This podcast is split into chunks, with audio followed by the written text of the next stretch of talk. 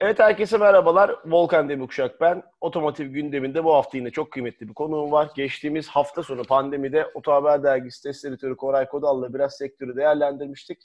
Bu hafta da çok kıymetli bir konuğum ve arkadaşım e, Volvo PR pazarlama direktörü ve müşteri deneyimi direktörü. Bolca direktör şeyini saydım. Tek seferde saymayı deneyeceğim. Bir dakika Kubilay Polat sayıyorum. Volvo Pazarlama, PR ve Müşteri Deneyimi Direktörü Kubilay Polat'la birlikteyiz. Kubilay merhaba. Başardın mı? Süper. Çok güzel oldu. Teşekkürler. Ne haber? Sadece bir tane direkt, direktör günün sonunda. İyi misin? İyi gayet iyi. Çok sağ ol. Teşekkürler davet ettiğin için. Ben teşekkür ederim. Pazartesi sabahı böyle güzel, keyifli bir başlangıç yapalım. Valla evet pazartesiye seninle başlamak güzel olacak. Otomobil konuştuğumuz haftalardan, yılın sonuna yaklaştığımız haftalardan bir tanesi. Ee, biraz tabii aslında hep biz satışları matışları konuşuyoruz ama onun Aha. konuşmadan da geçemiyoruz otomotiv sektöründe. Çok azıcık şu Volvo'nun son dönemde yakalamış olduğu SUV başarısıyla ilgili bir girizgah yapalım diyeyim. Ee, Yapalım. Ben de, ben de e, bizzat pek çok modelin hem İsveç'te hem de dünya genelindeki lansmanlarına tanık olma, otomobilleri kullanma şansına sahip olduğum için markanın da yükselişini hakikaten direkt gözlemledim. Ee, SUV pazarında bir Volvo rüzgarı esiyor mu? SUV pazarında bir Volvo rüzgarı zaten esiyordu. Bu sene bu rüzgar daha da kuvvetli eser bir hale geldi.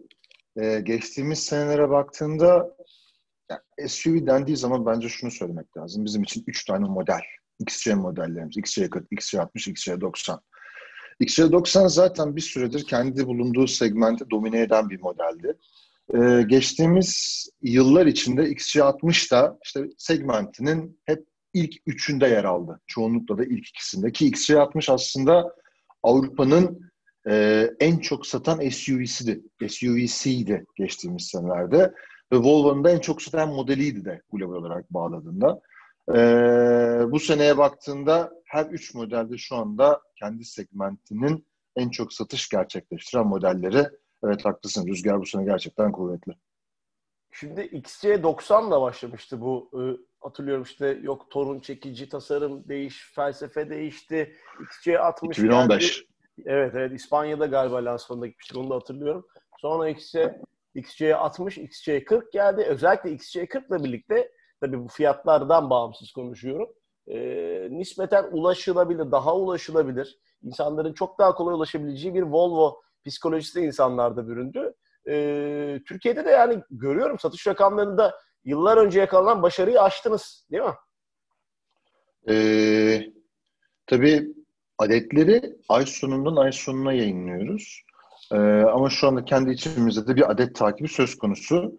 Biz Aralık ayı içinde şu anda Volvo tarihinin en yüksek satış adetlerini gerçekleştirmiş bulunuyoruz. Ve bu seneyi de gerçekten tarihte en çok satış yaptığımız yıl olarak kapatacağız. Resmen Volvo'nun tarihine tanıklık ediyoruz. Ama çok enteresan. Pandeminin ortasında oldu bu. Peki normal bir dönemde olsa ne olacaktı?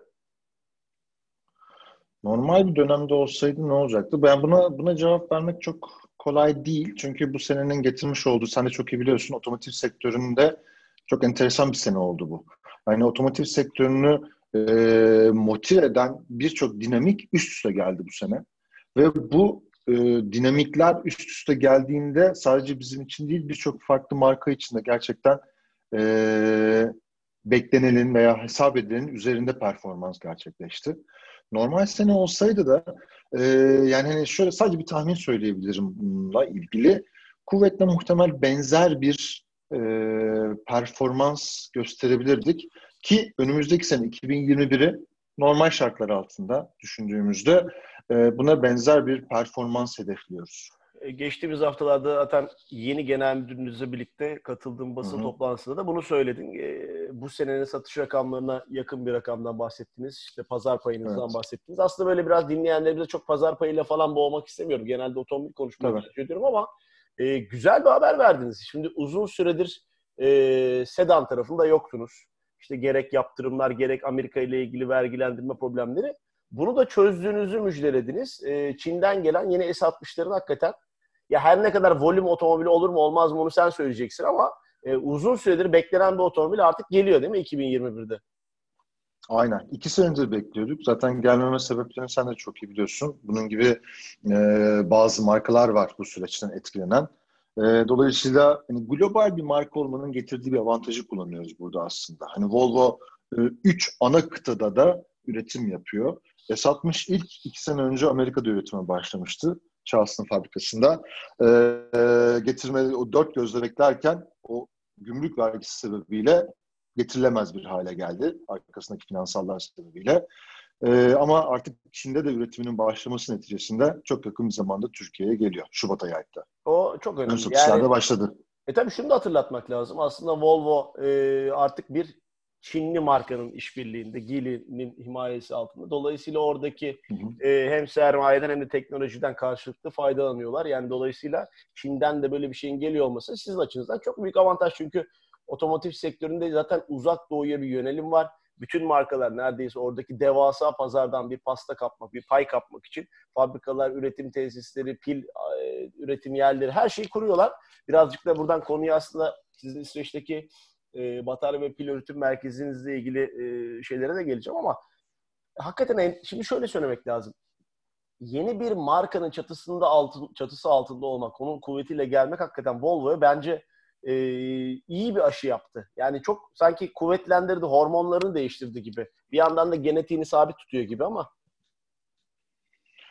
Ee, aslında genetiğini sabit tutuyor. Doğru bir yaklaşım. Çünkü Volvo bir İsveç markası. Hani 1927 yılından bu yana e, ne yapıyorsa, nasıl stratejiler geliştiriyorsa, arka, kan, damarlarında nasıl bir kan geziyor, bunların hepsi İsveç'ten kaynaklanan bir e, şekilde ilerliyor. İsveç'in, e, Çin'in olmasının altındaki en büyük avantajlardan bir tanesi hani bizim eskisinden daha fazla global bir marka olabilmek adına e, bize avantajlar sağladı.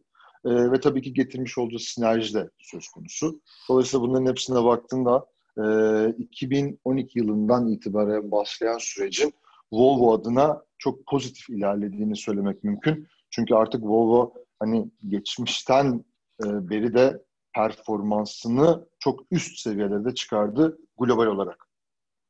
Şimdi elektrikli otomobilleri çok konuşuyoruz. E, hibrit teknolojilerini çok konuşuyoruz. Otomobili destekleyici üreticileri çok konuşuyoruz. Herkes bunu soruyor. Bilen daha çok öğrenmeye çalışıyor. Bilmeyen kulak kesiliyor söylediklerimize. E, geçen gün arşivlere bakarken yaşlandığımızı anladığım dakikalardan biri sizle birlikte yine İsveç'e geldim. C30'u mu gördün? Aynen aynen C30'u gördüm. O kadar komik bir YouTube videosu çekmişim ben de orada otomobille ilgili. Yani herhalde 11 sene 10 sene olmuş. Onu söylüyordum. Yaklaşık 100 kilometre falan menzili varmış. Şimdi otomobillerin menziller 400, 500, 600'ler konuşuluyor.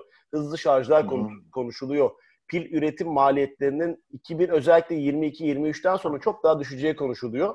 Volvo da burada çok ciddi bir yatırım yapıyor e, kendi e, elektrikli motorunu kendi üretmeye karar verdi. Doğru değil mi? Çok doğru. 2025 yılından itibaren. Evet aynen öyle. E, Sköv'de de bir fabrikamız vardı. İçten yanmalı motorların yapıldığı bir fabrikaydı. O, o fabrika şimdi elektrikli motor üretebilmek adına gerekli hazırlıkları yapmaya başladı.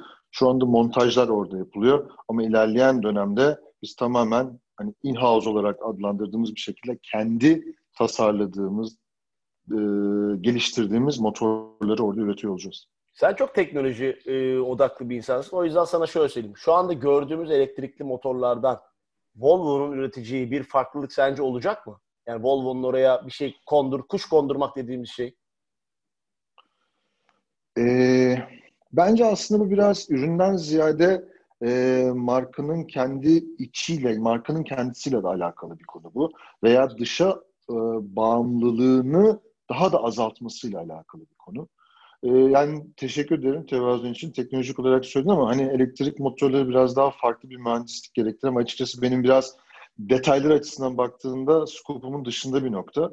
Ama şunu söylemek lazım. Orada e, Volvo'nun hedeflediği şeyler e, daha verimli. Öncelikle ilk hedeflediği şey bunu kendi evinin içinde çözüyor olması.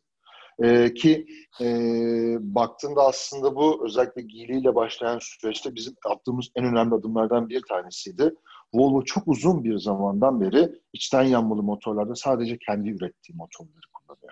E, elektrikli, elektrikli motorlar açısından da böyle bir vizyon ortada. zaman içinde tamamen yine kendi ürettiği elektrik motorları kullanacak. Mühendislik açısından nasıl bir fark getirir? Hani inan çok bildiğim bir konu değil. Şu anda bilgilerine sahip olduğumuz bir konu değil. Valla merak etme ben de şey, ben de öğreniyorum. Sürekli öğrenme aşamasındayım. Yani kendimizi gel- çünkü teknoloji gelişiyor. Bizim de bir şekilde kendimizi oraya geliştirmemiz gerekiyor. Adapte olmamız gerekiyor. Eskiden hiç konuşmadığımız şeyleri konuşmaya e, başladık. Pardon lafını bölmüş olabilirim bu arada. Yok yok. Söyleyeceğim buydu. Yani hani teknolojik açıdan zaten de o süreye daha uzun bir zaman var gitmemiz gereken. Ama bunu bu işin esas önemli tarafı bizim kendi içimizde bir şey yapıyor olmamız. Peki. Aynen normal içten yanmalı motorlarda kısa, olduğu gibi. Kısa kısa biraz bir şeyler sorayım. Yani geçtiğimiz toplantıda da ben basın toplantısında da bu soruyu sorma e, şansına sahip olmuştum sana ve genel müdürünüze.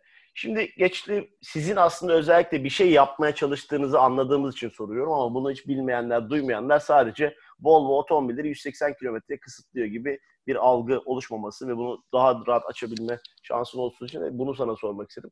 Şimdi Volvo Hı-hı. tamam e, bir yol çiziyor, bir pencere açıyor. Otomobillerin e, gelecekteki maksimum hızını 180 kilometreye sınırlamaya çalışıyor. Hı-hı. Çok kısa bize neden olduğunu bir kere de anlatsana sana zahmet.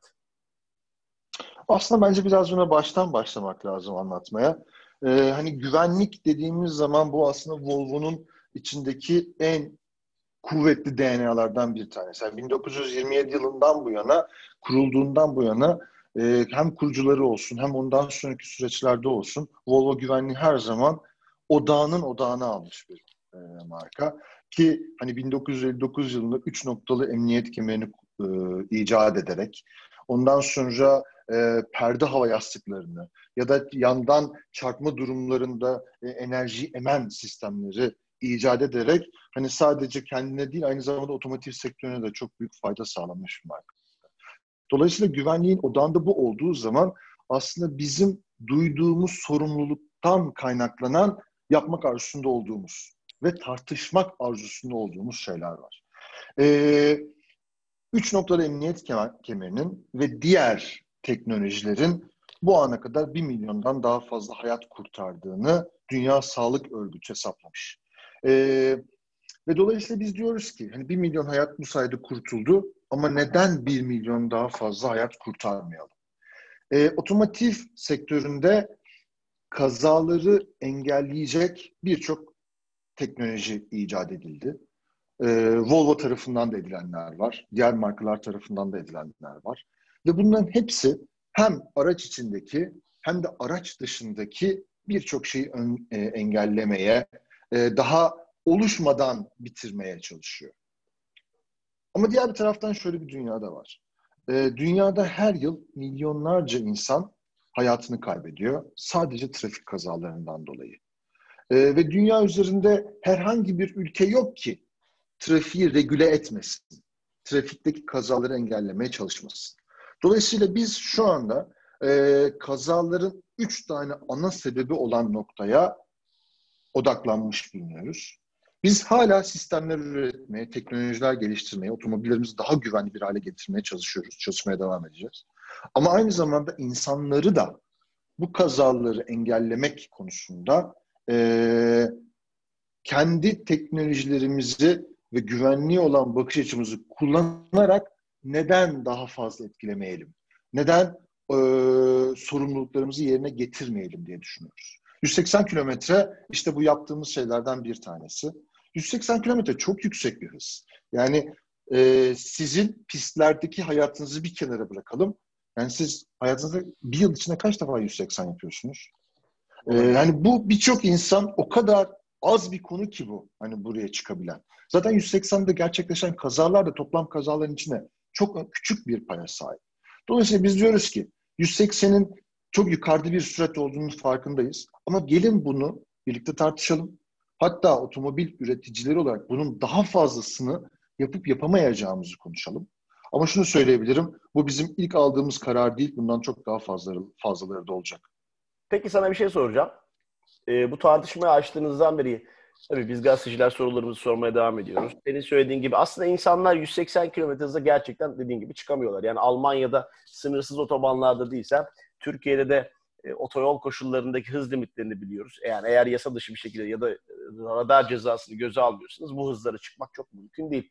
Ama acaba oradaki psikoloji birazcık da böyle insanları sınırlama psikolojisi mi diye genelde böyle sorular geliyor. Yani adam bana geçen Twitter'da dün e, bir soru sordum. Kubilay Bey konuğum olacak soru sormak ister misiniz? Adam şunu sormuş. Hı hı.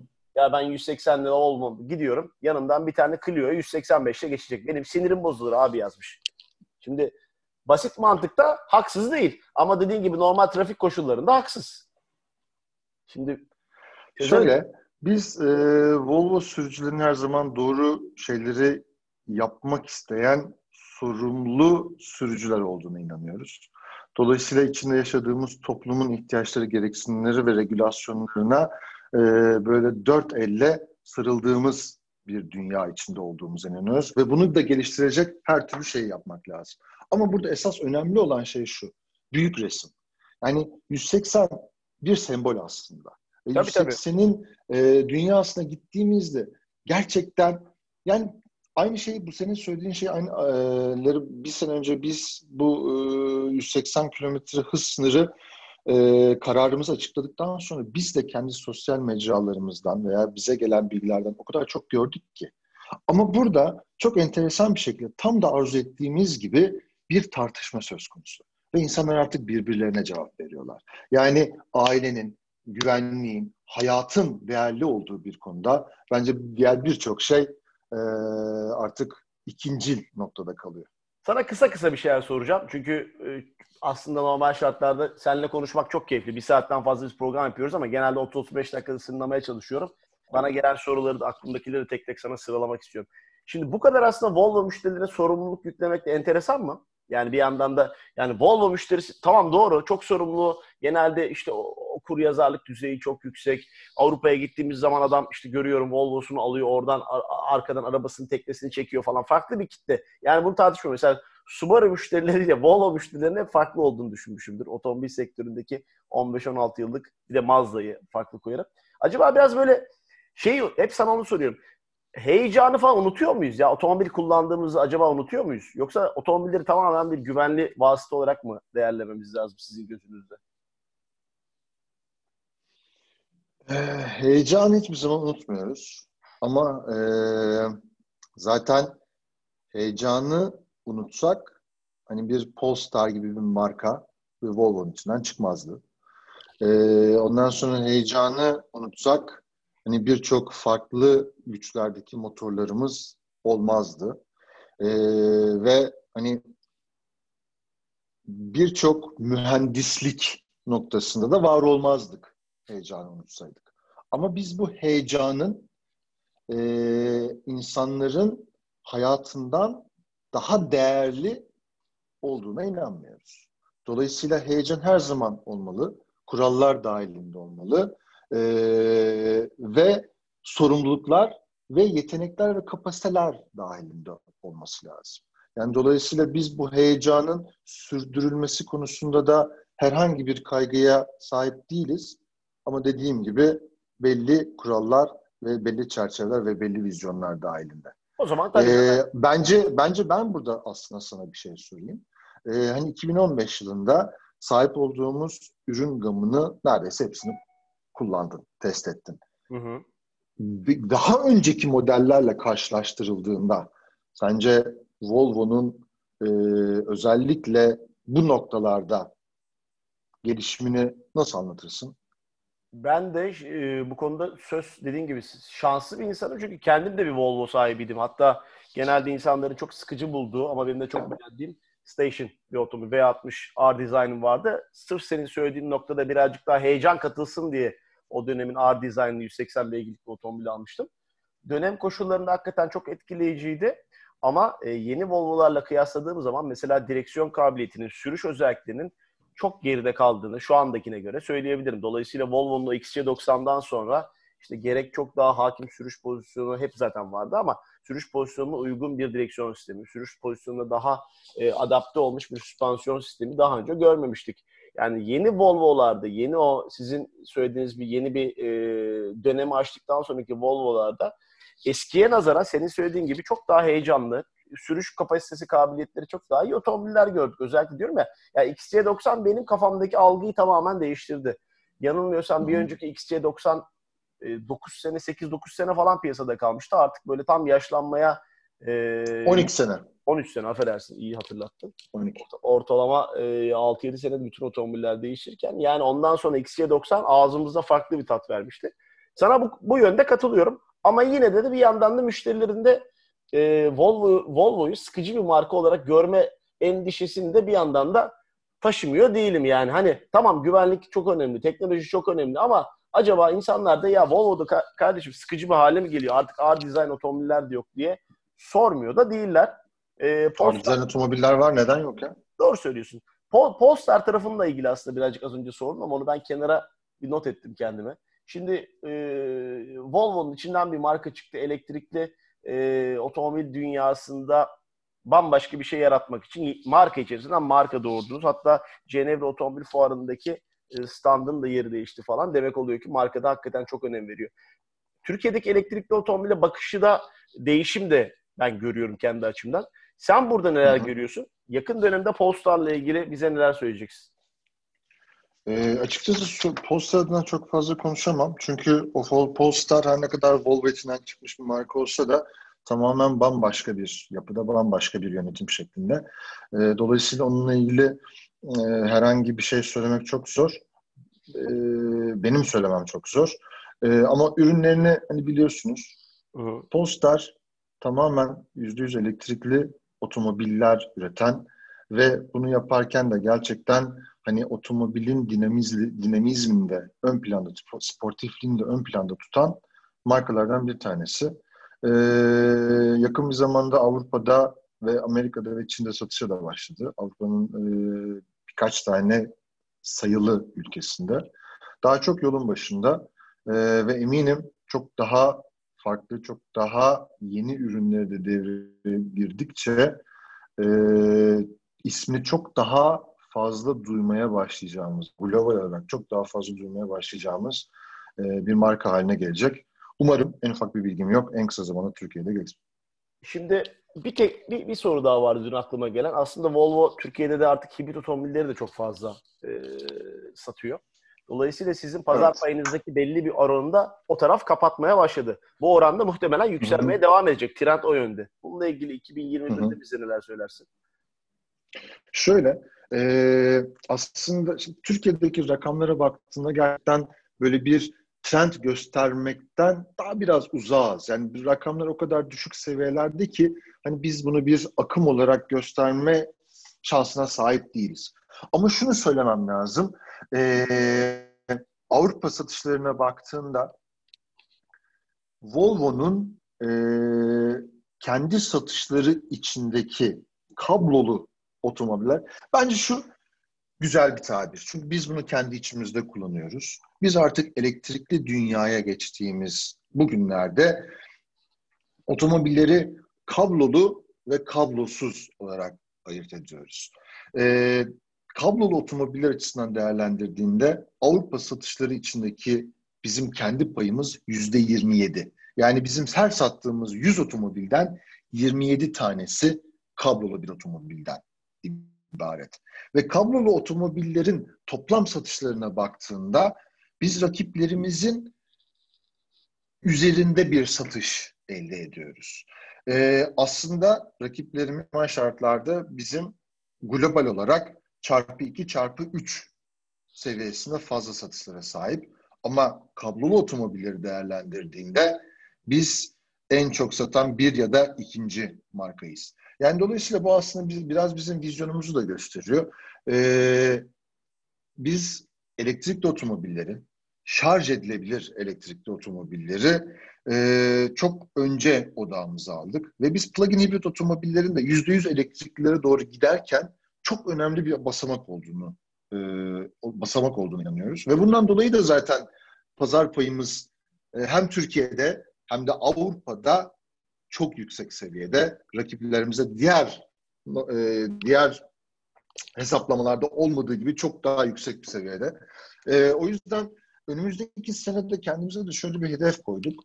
E, satışlarımızın %7 ile %10 arasını e, kablolu şarj edilebilir otomobillerden gelmesini planlıyoruz. Peki şöyle sorayım ufak ufak da kapatayım. bir e, yakın dönemde Volvo müşterilerine söyleyebileceğin veya bize söyleyebileceğin bu kanalda bir müjdeniz var mı? İkincisi e, Çin'den gelen yeni otomobilden kastım. Başka yeni modellerin de Türkiye'ye uzun vade gelebilmesine imkan tanıyacak mı sence?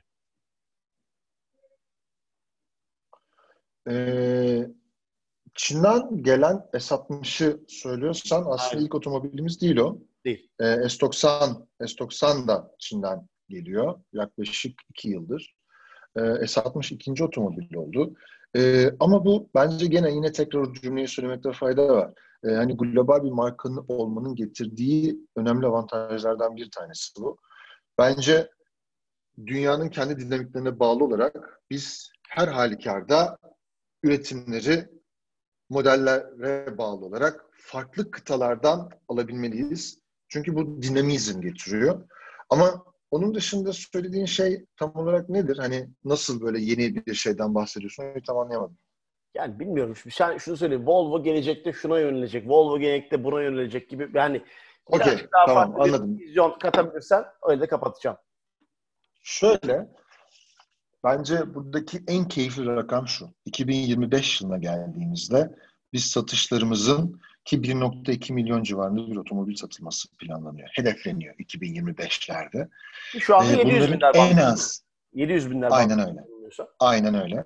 Ve o zamanlara geldiğimizde satılan e, her 100 otomobilden en az yüzde 50'sinin tamamen elektrikli otomobil olmasını hedefliyoruz. Yani bu açıdan baktığınızda zaten XC40'ın dünya lansmanı yapıldı. E, satışlara Avrupa'da ilk birkaç ülkede başlanıyor yavaş yavaş. Dolayısıyla bu e, her geçen gün diğer pazarlara da yayılacak. Ve ondan sonra biz her sene yeni bir tamamen elektrikli bir otomobili piyasaya sürüyor olacağız. Ve bunlar 2025'e geldiğimizde bizim satışlarımızın en az %50'sinin tamamen elektrikli olmasına sebep olacaklar. Dolayısıyla bence o heyecan işte tam da bunun arasında gizli. Güzel şeyler söyledin Kubilay. Ee, sevdiğimiz markalardan bir tanesi Volvo ile ilgili konuştuk. Ee, markanın yöneticilerinden Volvo pazarlama, PR ve neydi sonu? Sonu, sonu çok güzeldi. Müşteri, Müşteri deneyimi. deneyimi. direktörü Kubilay Polat'la birlikte. Kubilay bir İsveç'le ilgili bir şey söyleyip öyle kapatalım dinleyicilere. Sen çok gidip geldiğin için belki sen anlarsın. Bu e, İsveçlilerin H-Day dedikleri H-Day diyor geçiyor ya soldan direksiyonu sağdan sonra dönüş hikayesi. Onunla ilgili bir fikir şeyin var mı yoksa küçük bir bilgiyi ben mi vereyim kapatayım? Böyle son Ba, sen bilgiyi ver. Ben sen yani sen bilgiyi ver ama hani o sen, günün fotoğrafları var. Çok güzel. Efendim? Çok güzel Efendim? yani fotoğrafları videoları var. Yani küçük küçük bir dinleyicilere bilgi verelim. Aslında dünyada biliyorsunuz bazı ülkelerde bizim gibi işte soldan direksiyon, bazı aday ülkelerde de sağdan direksiyonlu otomobiller var. Ee, Volvo'da 1967'nin e, 3 Eylül yanılmıyorsam 3 Eylül 1967 sabah saat 5'e kadar sağdan direksiyonlu otomobili kullanıldığın, direksiyonun o taraftan daha doğrusu yolun o, o taraftan aktığı bir ülkeymiş. Bir günde hop her şey değişmiş e, ve hikayesine H-Day diye yani herhalde dönüş günü gibi bir şey diye duruyor. Onu birazcık senden dinlersek kapatalım. Aslında şöyle e, sağdan direksiyonlu dünya değil. Otomobiller yine soldan Otomobiller evet yanlış. Soldan direksiyonluymuş ama sağdan değil yine soldan akıyorlarmış. Yani aslında tam karışık. Tam tersine karman çorman. Aynen öyle. Ve demişler ki biz bunu hani olması gerektiği hale alalım. Ve bunun içinde bir gün ve saat belirlemişler. Aynen senin söylediğin gibi. Gerçekten fotoğraf ve videolara baktığında o saat geldiğinde trafik duruyor. Birden herkes otomobillerle yer değiştiriyor ve ondan sonra hayatına devam etmeye başlıyor. Ama ya. zaten eskisini şimdi hiç tasavvur bile edemiyorum. Yani hani hem direksiyon solda hem de trafik soldan aktığında ya gerçekten karman çorman bir dünya ya. Ben onu zaten, hani... yer, yanlışlıkla bir kere deneyimlemek zorunda kaldım. Yani benzeri diyeyim sana en azından. Ee, Yaman'la ortağımla birlikte bir televizyon programı için Paris'ten Manş Tüneli'nden e, Londra'ya arabayı trene bindirdik. Yaklaşık 35 e, dakikalık bir denizaltı yolculuğundan sonra bir çıktık. Soldan direksiyonlu bir Peugeot otomobil vardı. Dünyam döndü. Dünyam döndü yani. Ne sollayacağım. Tabii sollama diye bir şey olmadı ki. Otomobili görüyorum, ne aynaları görebiliyorum. Kafam allak bullak oldu. Yani e, eğer dinleyicilerimiz de bununla ilgili hikayemizi merak ettilerse e, 1967'deki İsveç'in dönüşüm günü diye adlandırılan günü video ve fotoğraflarına mutlaka baksınlar. E, keyifli olacaktır. Kubilay seninle konuşmak yine çok keyifliydi. Seninle de aynı şekilde. Çok sağ ol. Bence kısa oldu ama neyse bir dahaki sefere daha uzun yaparız. Bir dahaki sefere daha uzun yapacağız. Ee, bir, kafamda şöyle şeyler var. Markaların tamamen tarihçelerini aslında anlatacağım bir günler belirlemek istiyorum. Onu da senle keyifli bir şekilde Volvo'nun sıfırdan 1927'den bugüne olan e, dipnotlarını, özel günlerini e, hatta seninle birlikte daha önceden gittiğimiz e, ve güvenlik konusunda hayatımda böyle benim gördüğüm en enteresan şeylerden bir tanesi olan güvenlik e, merkezinizle ilgili deneyimlerinden de bahsedebiliriz. Beni 7 kilometre hızla bir salıncak gibi bir şeyden aşağı bırakıp vücudumdaki tüm organların yerinden, bu arada dikkatinizi çekiyorum 7 kilometre hızda. Vücudumdaki tüm organları yerden yerin değiştirmişti. Dolayısıyla Volvo'nun da bazen 180 kilometre sınırlaması da çok şaşırtıcı gelmiyor. E, bu hafta çok kıymetli bir konuğum vardı. Kubilay Polat'la birlikteyiz. Volvo ile ilgili konuştuk. E, yeni modellerle ilgili konuştuk. E, yeni sınırlama fikirleriyle ilgili konuştuk. Pek çok şeyi konuşmaya çalıştık. Sonunda da İsveç'le ilgili 1967 gününden bahsettik. Mutlaka o videoyu izleyin derim. Hoşçakalın bu haftalık bizden bu kadar.